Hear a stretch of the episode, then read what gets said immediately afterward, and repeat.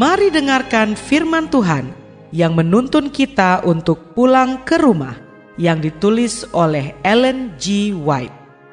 Melalui renungan pagi ini, kita akan belajar untuk berani menghadapi masa depan karena kita tidak lupa pimpinan Tuhan di masa yang lalu. Bersama Pendeta Andre Daimbani, selamat mendengarkan. Shalom, selamat pagi saudaraku.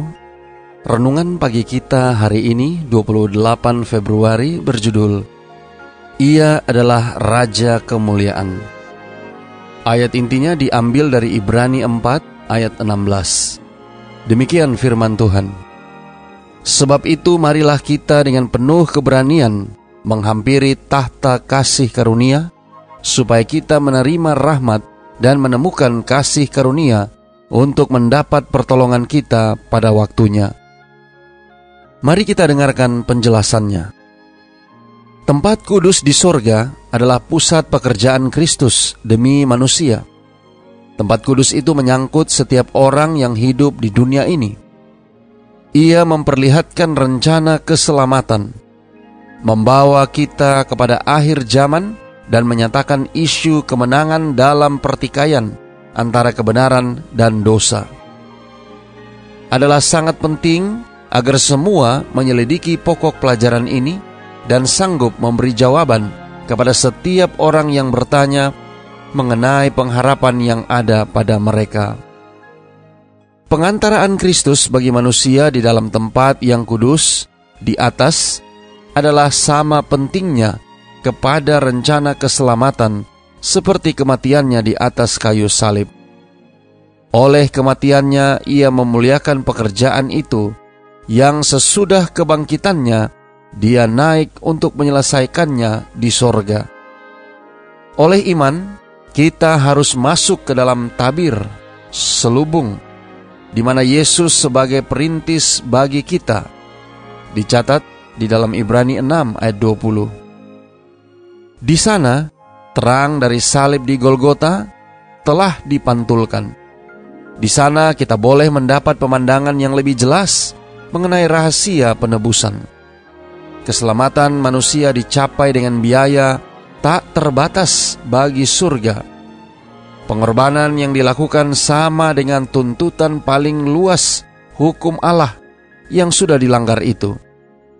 Yesus telah membuka jalan ke tahta Bapa dan melalui pengantaraannya keinginan sungguh-sungguh dari semua yang datang kepadanya dalam iman boleh disampaikan ke hadirat Allah. Kita sekarang hidup pada hari perdamaian yang besar. Dalam acara di bait suci duniawi, sementara imam besar mengadakan pendamaian bagi orang-orang Israel, semua diharuskan merendahkan diri mereka oleh pertobatan dari dosa dan merendahkan diri di hadirat Tuhan agar mereka tidak dipisahkan dari antara umat itu.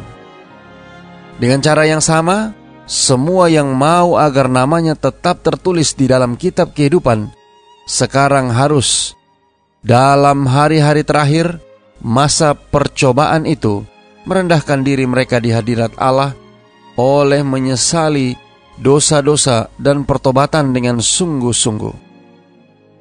Saudara-saudara yang kekasih di dalam Tuhan, harus ada penyelidikan hati yang sungguh-sungguh dan mendalam.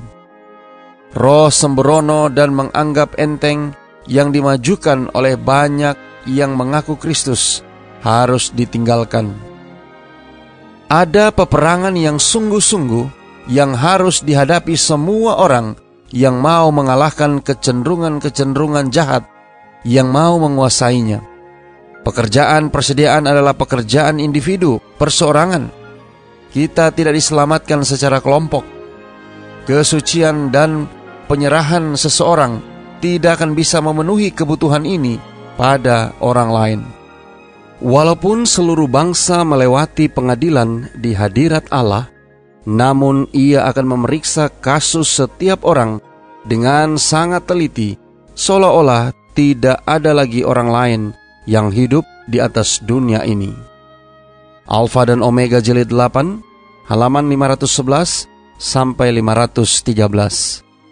Doa kita hari ini. Bapa, terima kasih. Melalui renungan pagi ini, kami boleh belajar bagaimana Yesus adalah sebagai raja kemuliaan. Terima kasih melalui renungan pagi ini, kami boleh diajarkan tentang pengantaraan Yesus bagi manusia di dalam tempat yang kudus di sorga. Tolong kami hari ini Bapa, Biarlah dengan pertolongan kuasa roh kudusmu akan menyanggupkan kami sehingga kami boleh dapat senantiasa dibimbing untuk dapat mengalahkan kecenderungan-kecenderungan jahat yang dapat menguasai kehidupan kami. Terima kasih Bapa. Inilah doa dan permohonan kami kepadamu.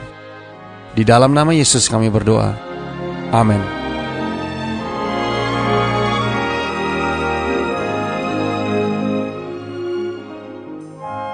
Demikianlah tadi pembahasan tentang pulang ke rumah. Semoga firman Tuhan hari ini dapat menjadi berkat bagi Anda. Sampai jumpa, Tuhan memberkati.